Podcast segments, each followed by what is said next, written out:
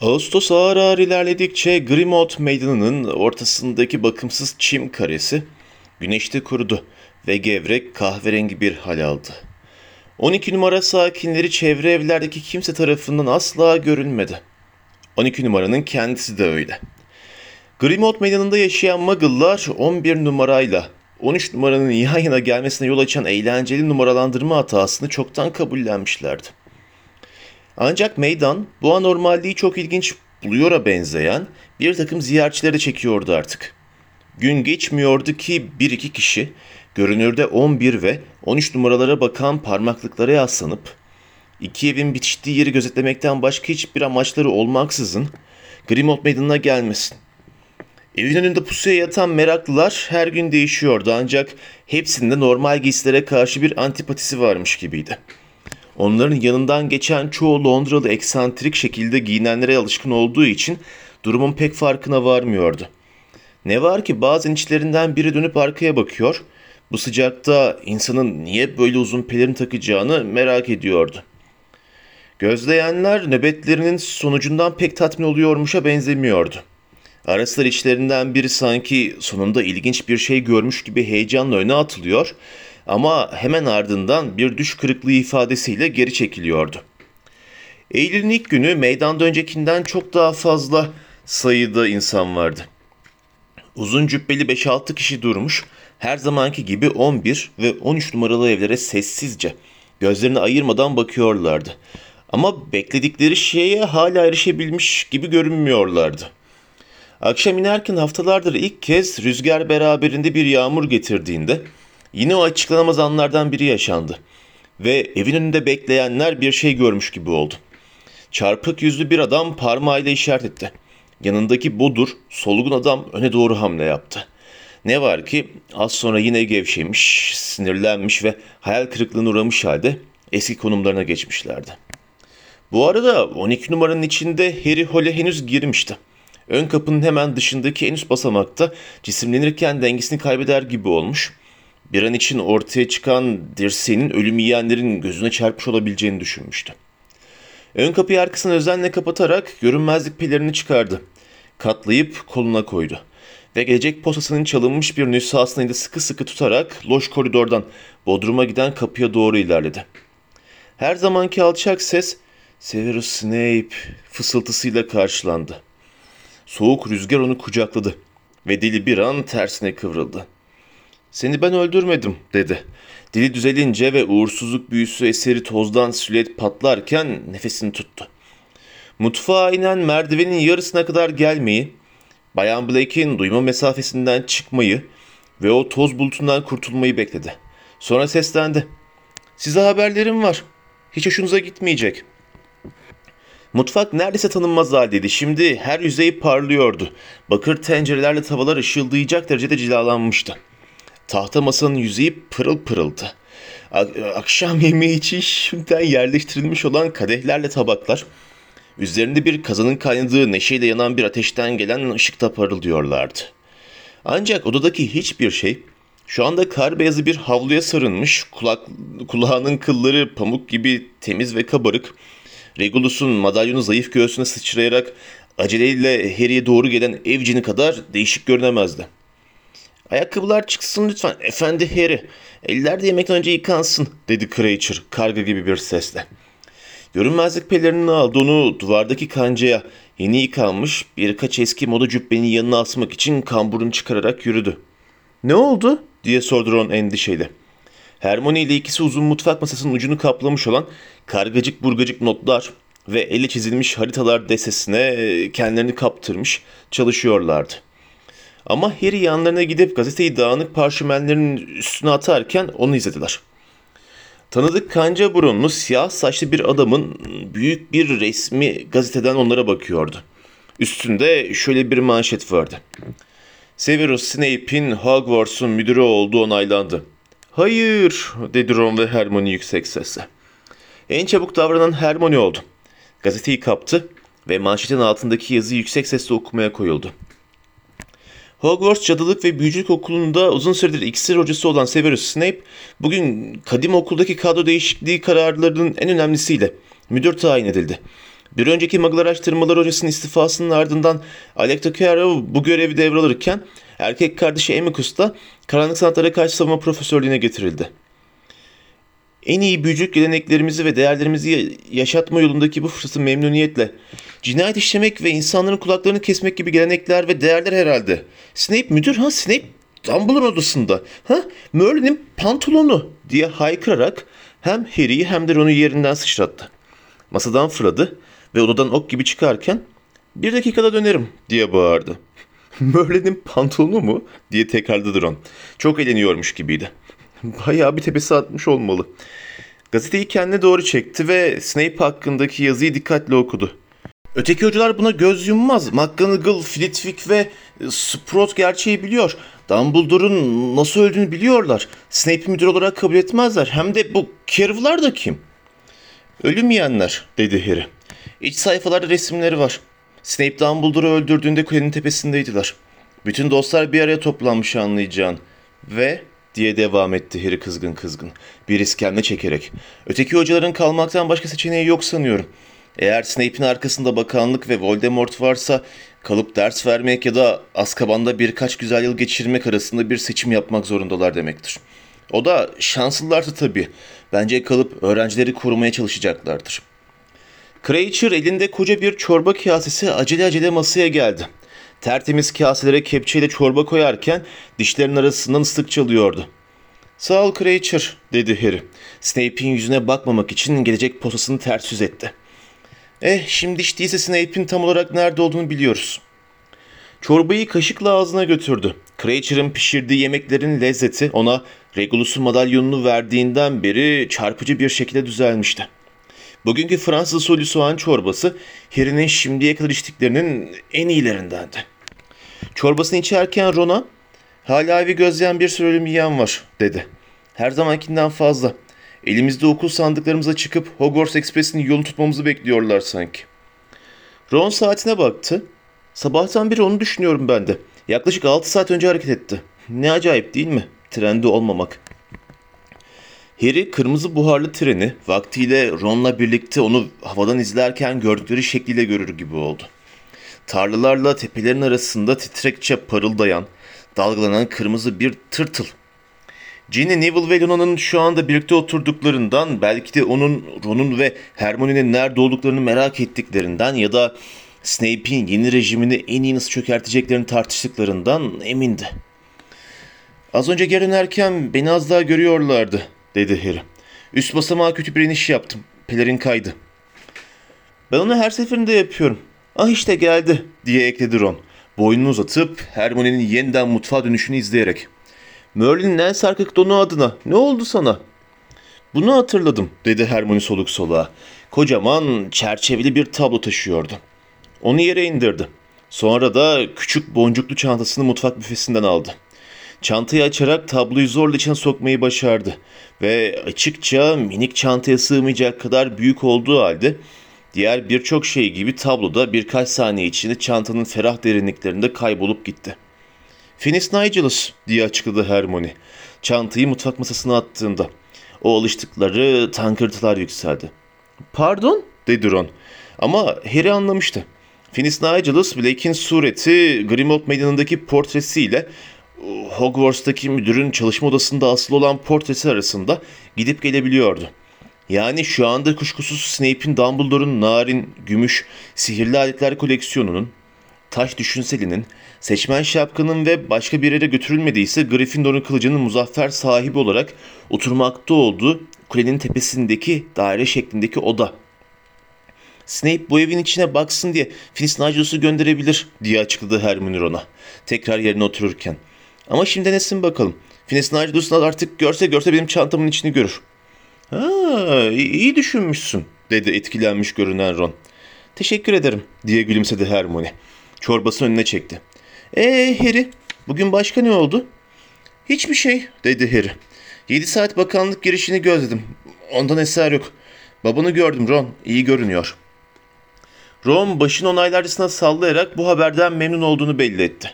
Bakanlığa girip çıkarken Bay Weasley ile iletişim kurmaya kalkmanın çok tehlikeli olduğu konusunda anlaşmaya varmışlardı. Çünkü hep bakanlık çalışanları tarafından çevrili oluyordu.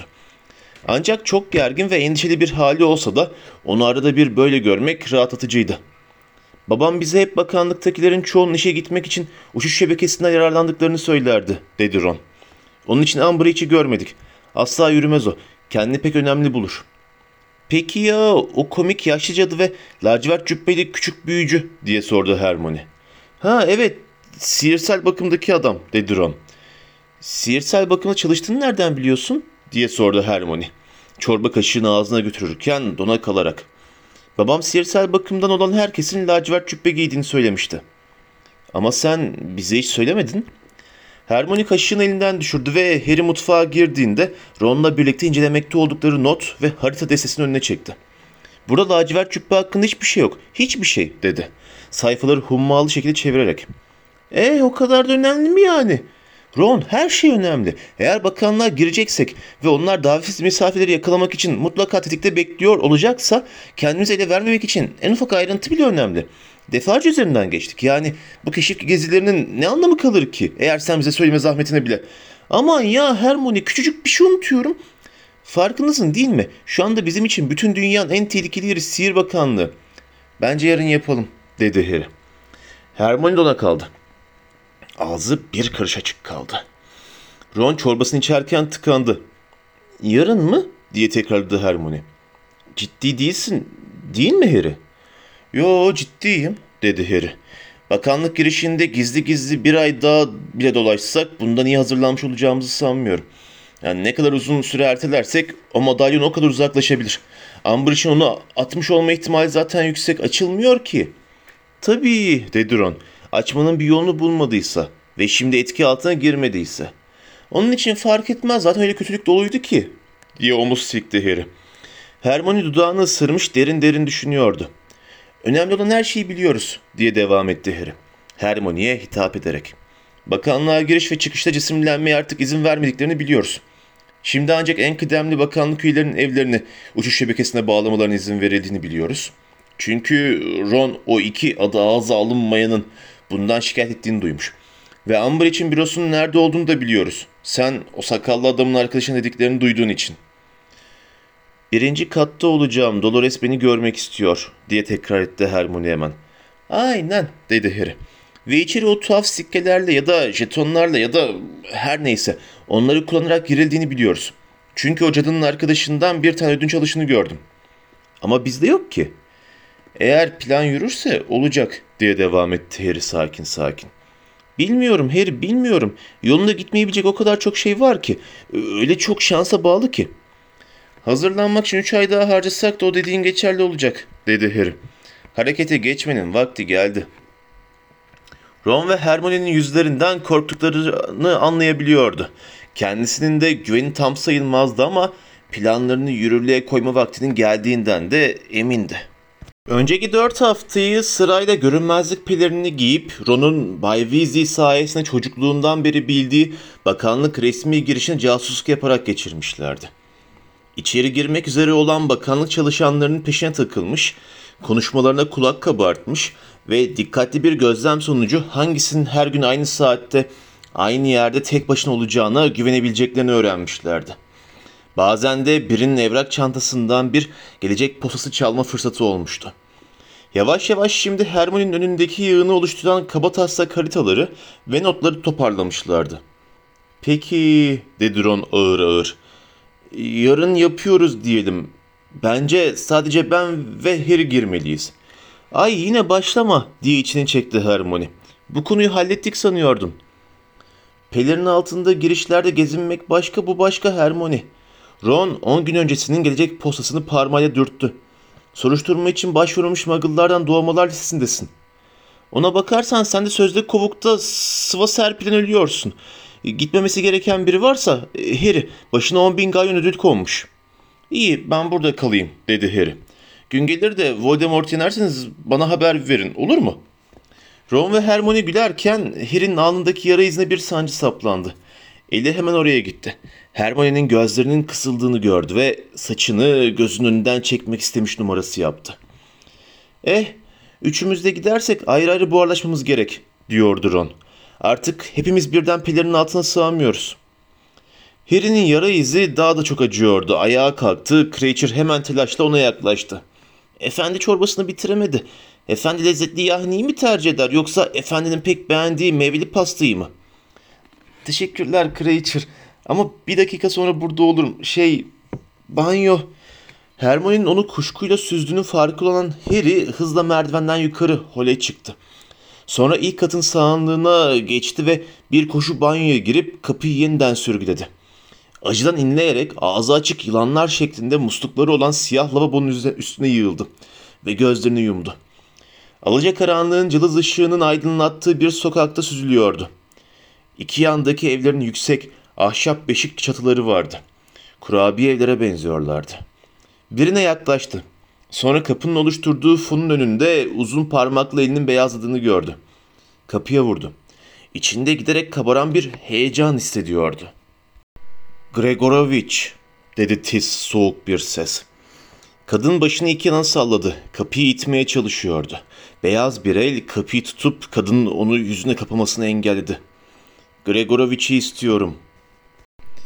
Ervont hiyaniş miha diye bağırdı kadın kafasını iki yana sallayarak. Burada oturmaz artık. Burada oturmaz. Tanımam onu. Kapıyı kapama çabasından vazgeçerek karanlık hole doğru gerilemeye başladı ve Harry kayarcasına onu izledi. Uzun parmakla eli asasına çekmişti. Nerede? Das weiß ich nicht. Taşınmıştır. Bilmem ben, bilmem.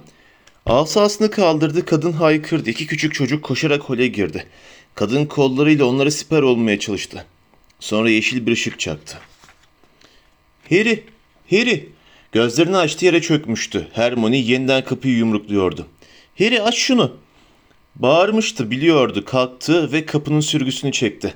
Hermione anında devrilircesine içeri daldı. Dengesini buldu ve şüpheyle çevreye baktı. Ron onun hemen arkasındaydı. Asasını soğuk banyonun köşelerine tutarken ürkmüş görünüyordu. ''Ne yapıyordun?'' diye sordu Hermione sert sert. ''Sence ne yapıyordum?'' diye sordu Harry, cılız bir meydan okuma gösterisiyle. ''Avaz avaz bağırıyordun'' dedi Ron. ''Ha, e, evet, uyuyakalmış olmalıyım ya da...'' ''Harry lütfen zekamıza hakaret etme'' dedi Hermione, derin derin nefes alarak. ''Aşağıda yara izinin acıdığını biliyoruz. Hem yüzün kireç kesilmiş.'' Harry küvetin kenarına oturdu. İyi. Az önce Voldemort'un bir kadını öldürdüğünü gördüm. Şimdi bütün ailesini öldürmüştür herhalde. Üstelik gerek de yoktu. E, yine Cedric'te olduğu gibiydi. Sadece oradaydılar. Harry artık bunun olmasına izin vermemen gerekiyor diye bağırdı Hermione. Sesi banyoda yankılandı. Dumbledore senin zihne bent kullanmanı istiyordu. Aranızdaki bağlantının tehlikeli olduğunu düşünüyordu. Voldemort bunu kullanabilir Harry. Onun insanları öldürüp işkence yaptığını izlemek ne işe yarar, neye faydası var? Çünkü o zaman ne yaptığını biliyorum, dedi Harry. Yani onu dışarıda tutmayı denemeyecek misin bile? Hermione yapamıyorum. Zihne ben de berbatım. Biliyorsun bir türlü öğrenemedim gitti. Hiç çaba harcamadın ki, dedi Hermione öfkeyle. Anlamıyorum Harry. Hoşuna mı gidiyor bu özel bağlantı ya da ilişki ya da her neyse? Harry'nin ayağa kalkarken ona attığı bakış üzerine durakladı. Hoşuna gitmek mi? dedi Harry usulca. Senin hoşuna gider miydi? Ben... Hayır, özür dilerim Harry. Ö- öyle demek istemedim. Nefret ediyorum. İçime girebilmesinden nefret ediyorum. Onu en tehlikeli olduğu zaman izlemekten de nefret ediyorum. Ama bunu kullanacağım. Dumbledore, Dumbledore'u unut Hermione bu benim tercihim başkasının değil. Niye Gregorovich'in peşinde olduğunu öğrenmek istiyorum. Kimin? Yabancı bir asa yapımcısı dedi Harry. Kurumun asasını yapan kişi. Kurum onun çok yetenekli olduğunu düşünüyor. Ama senin dediğine göre dedi Ron. Voldemort Ollivander'ı bir yerlere kapatmış. Eğer elinde zaten bir asa yapımcısı varsa bir başkasına niye gerek duysun ki? Belki de kurumla aynı fikirde. Belki Gregorovich'in daha iyi olduğunu düşünüyor ya da Gregorovich'in o beni kovalarken asamın yaptığı şeyi açıklayabileceğini düşünüyor. Çünkü Ollivander bilmiyordu. Harry çatlak tozlu aynaya baktı ve Ron'la Hermione'nin arkasında birbirine kuşku dolu göz bakışlar attıklarını gördü. Harry, asa neler yaptığından söz edip duruyorsun, dedi Hermione. Ama bunu yaptıran sensin. Neden kendi gücünün sorumluluğunu almamakta inat ediyorsun? Çünkü ben olmadığımı biliyorum. Voldemort da biliyor Hermione. İkimiz de aslında ne olduğunu biliyoruz. Birbirlerine gözlerine ateşler saçarak baktılar. Harry Hermione'yi ikna edemediğinden ve onun hem asasına ilişkin teorisine hem de Voldemort'un zihninin içine okumasına kendisine izin verdiği gerçeğine itiraz etmek üzere kafasında savlar oluşturduğundan emindi. Neyse ki Ron araya girip onu rahatlattı. Bırak artık diye tavsiye etti ona. Harry'e kalmış bu. Hem eğer yarın bakanlığa gidiyorsak sizce planın üstünden geçmemiz gerekmiyor mu? Hermione konuyu kapattı ama ikisi de onun bunu ne kadar gönülsüzce yaptığını fark etti. Harry Hermione'nin ilk fırsatta yeniden saldırıya geçeceğinden de emindi. Bu arada Bodrum'daki mutfağa döndüler. Creature da hepsine yahni ile meyveli pasta servisi yaptı. O gece geç saate kadar yatmadılar. Kelimesi kelimesine ezberleyene kadar saatlerce planların üzerinden geçtiler. Artık Sirius odasında uyuyan Harry, asasının ışığı babası Sirius, Lupin ve Pettigrew'in eski fotoğrafına dönük halde yatağında yattı. Ve 10 dakikada planı kendi kendine mırıldandı. Ancak as asasını söndürürken çok özlü iksiri, kusturan pastilleri ya da sihirsel bakımın lacivert cübbelerini düşünmüyordu. Asa yapımcısı Gregorovich'i Voldemort onu böyle azimle ararken daha ne kadar gizli kalmayı umabileceğini düşünüyordu. Şafak gece yarısını yakışıksız bir telaşla izledi sanki. Harry'i uyandırmak için odaya giren Ron onu berbat görünüyorsun diye selamladı. Fazla sürmez dedi Harry esneyerek. Hermione'yi aşağıda mutfakta buldular. Crouch Ron'a kahve ve sıcak poğaça servisi yapıyordu. Ve Hermione'nin yüzünde Harry'e sınavlar için ders tekrar etmeyi çağrıştıran o hafif cinnet ifadesi vardı. Cübbeler dedi alçak sesle. Orada olduklarını gergin bir baş sallama hareketiyle doğrulayıp boncuklu çantasını karıştırmaya devam ederek. Çok özlü iksir. Görünmezlik pelerini. Dikkat dağıtıcı patlayıcı. İkiniz de her ihtimale karşı bir iki tane almalısınız. Kusturan pastiller, burun kanatan nugatlar, uzayan kulaklar. Kahvaltılarını çabucak mideye indirip yukarı çıkarlarken Creature yerlere eğilerek onları uğurladı ve döndüklerinde etli börekli, böbrekli böreğin hazır olacağını söz verdi. Eksik olmasın dedi Ron muhabbetle. Düşünsenize bir de onun kafasını kesip duvara yapıştırma hayalleri kuruyordum. Büyük bir ihtiyatla ön basamağa çıktılar. Sisli meydanın öbür tarafından evi gözleyen şiş gözlü bir iki ölüm yeni görebiliyorlardı. Hermione önce Ron'la buharlaştı. Sonra Harry'i almak için geri döndü. Her zamanki kısa süreli karanlık ve neredeyse boğulmaya yakın duygunun ardından Harry kendini planların ilk aşamasının geçeceği dar sokakta buldu. Bir iki büyük çöp tenekesi hariç şimdilik boştu burası. İlk bakanlık çalışanları genellikle hiç değilse 8'e kadar burada belirmezdi. Tamam öyleyse dedi Hermione saatine bakarak. Beş dakika içinde burada olmalı. Ben onu sersemletince Hermione biliyoruz dedi Ron sertçe. Hem o buraya gelmeden kapıyı açmamız gerekiyor sanıyordum. Öyle değil mi? Hermione ciyakladı. Aa az da unutuyordum. Geri çekil. Asasını yanlarındaki asma kilit takılı ve üzerine pek çok yazı yazılmış yangın kapısına yöneltti. Kapı top patlar gibi açıldı. Özenli keşif seferleri sonucu öğrendikleri gibi arkasındaki karanlık koridor boş bir tiyatro salonuna açılıyordu. Hermione hala kapalıymış gibi görünsün diye kapıyı kendine doğru çekti. Ve şimdi dedi. Sokakta diğer ikisiyle yüz yüze gelmek için dönerek. Yeniden pelerini giyiyoruz. Ve bekliyoruz diye bitirdi Ron. Pelerini Hermione'nin başının üstüne bir muhabbet kuşunun kafesi üzerine çuha örtermiş gibi savurdu. Ve Harry'e bakarak gözlerini devirdi. Bir dakikadan az bir süre geçmişti ki minik bir pop sesi duyuldu. Ve rüzgarda uçuşan kır saçlı küçük bir bakanlık cadısı onlardan biraz ileride cisimlenerek ani ışıkta gözlerini kırpıştırdı. Güneş o anda bir bulutun arkasından çıkmıştı. Ancak beklenmedik sıcağın keyfini çıkararak çıkaracak vakti pek olma, olmadan Hermione'nin sessiz sersemletme büyüsü onu göğsünden vurdu. Ve cadı devrildi. Temiz iş Hermione dedi Ron. Harry görünmezlik pelerini çıkarırken tiyatro kapısının yanındaki bir çöp tenekesinin arkasından belirerek. Birlikte küçük cadıyı sahne arkasına giden karanlık geçitten taşıdılar. Hermione cadının başından birkaç tel saç kopardı. Bunları boncuklu çantadan çıkardığı bir şişe çamurlu, çok özlü iksire ekledi. Ron küçük cadının çantasını karıştırıyordu. Adım Mafalda Hopkirk dedi. Kurbanlarının sihrin uygunsuz kullanımı dairesinden bir asistan olduğunu gösteren küçük bir kartı okuyarak. Bunu alsan iyi olur Hermione. İşte bunlar da jetonlar. Ona cadının çantasından aldığı ve hepsinin üzerinde de kabartma SB harfleri bulunan birkaç küçük altın sikkeyi verdi. Hermione artık hoş bir açık mora dönmüş olan çok özlü iksiri içti ve birkaç saniye sonra Mafalda Hopkirk'ün ikizi karşılarında duruyordu.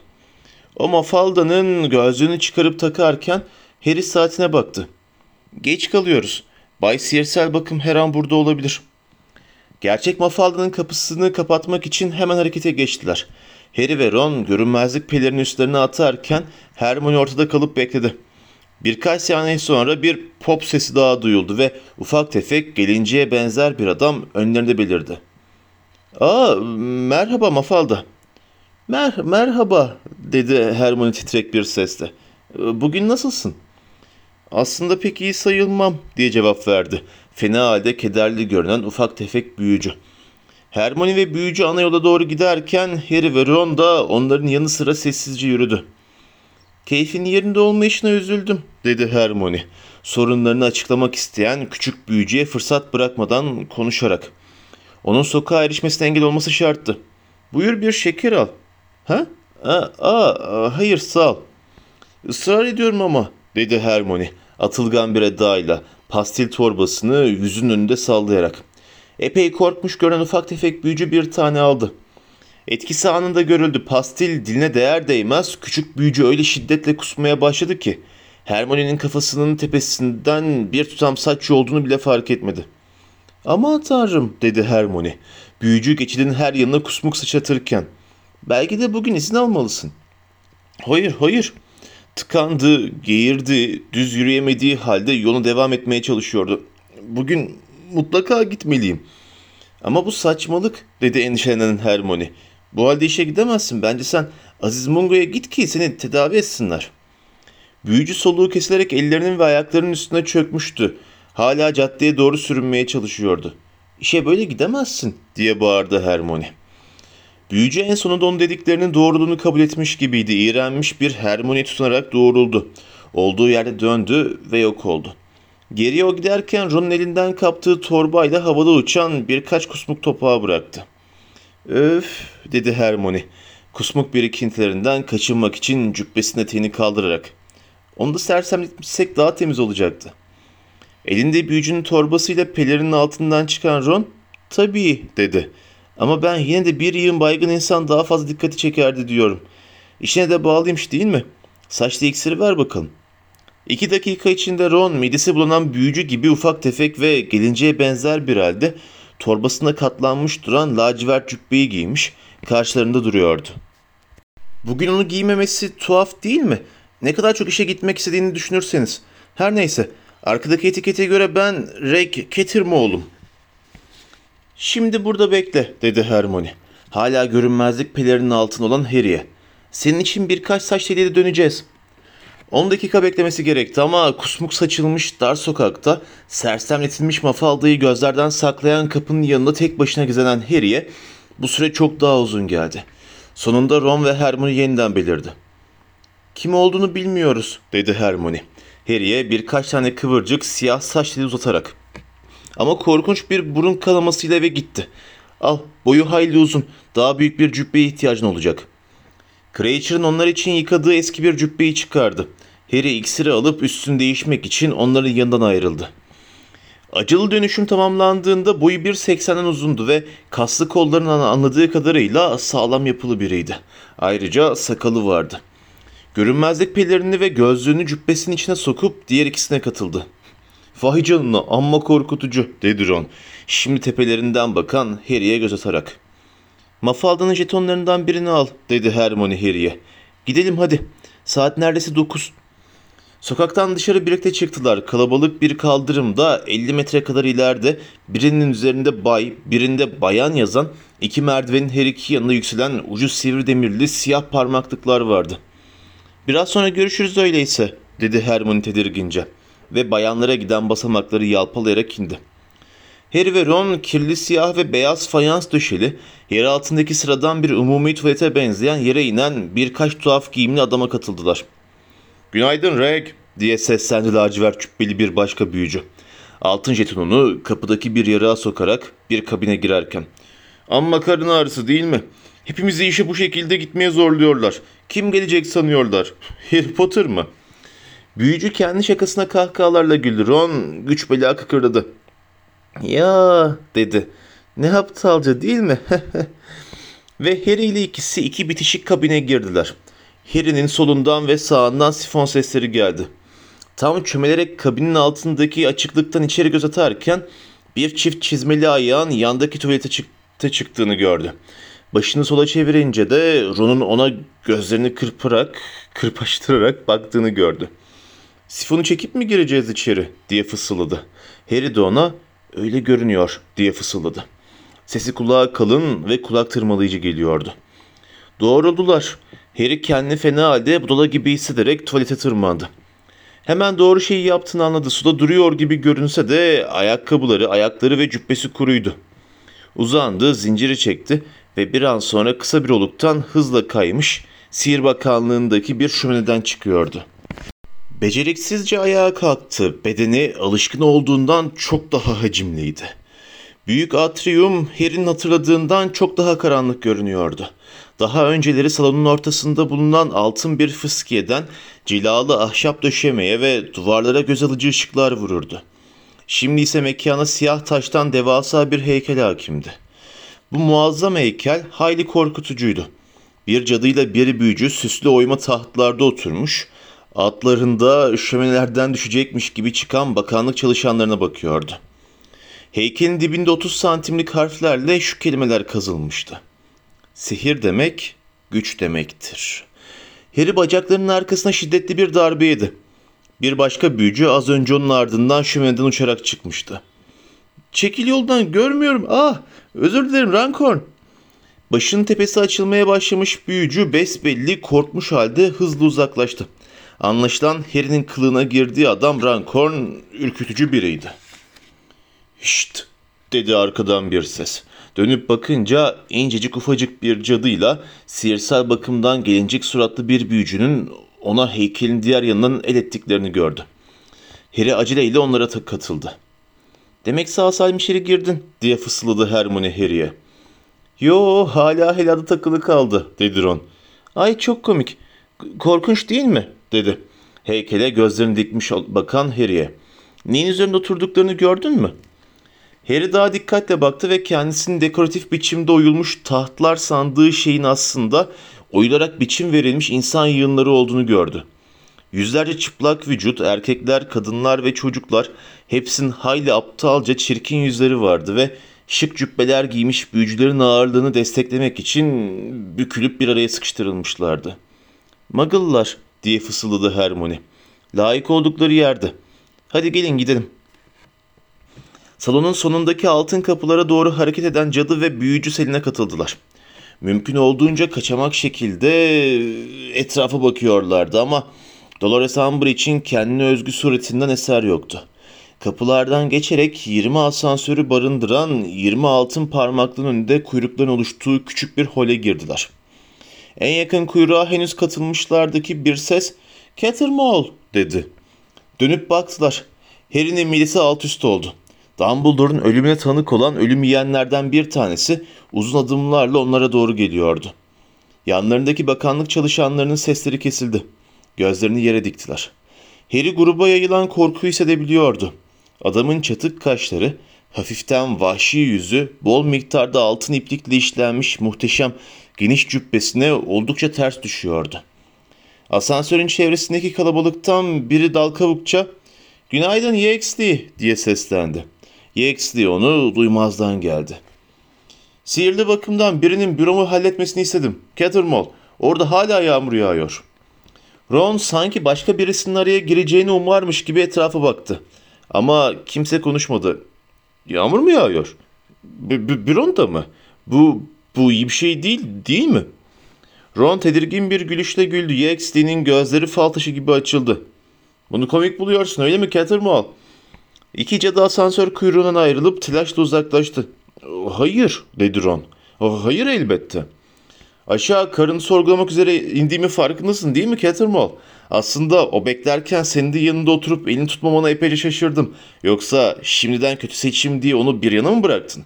Akıllıca herhalde. Bir dahaki sefere safkan biriyle evlendiğine emin ol. Hermione'den küçük bir dehşet ciklemesi çıktı. Yaxley ona baktı. Hermione cılız bir öksürükle sırtını döndü. Ben, ben diye kekeledi Ron.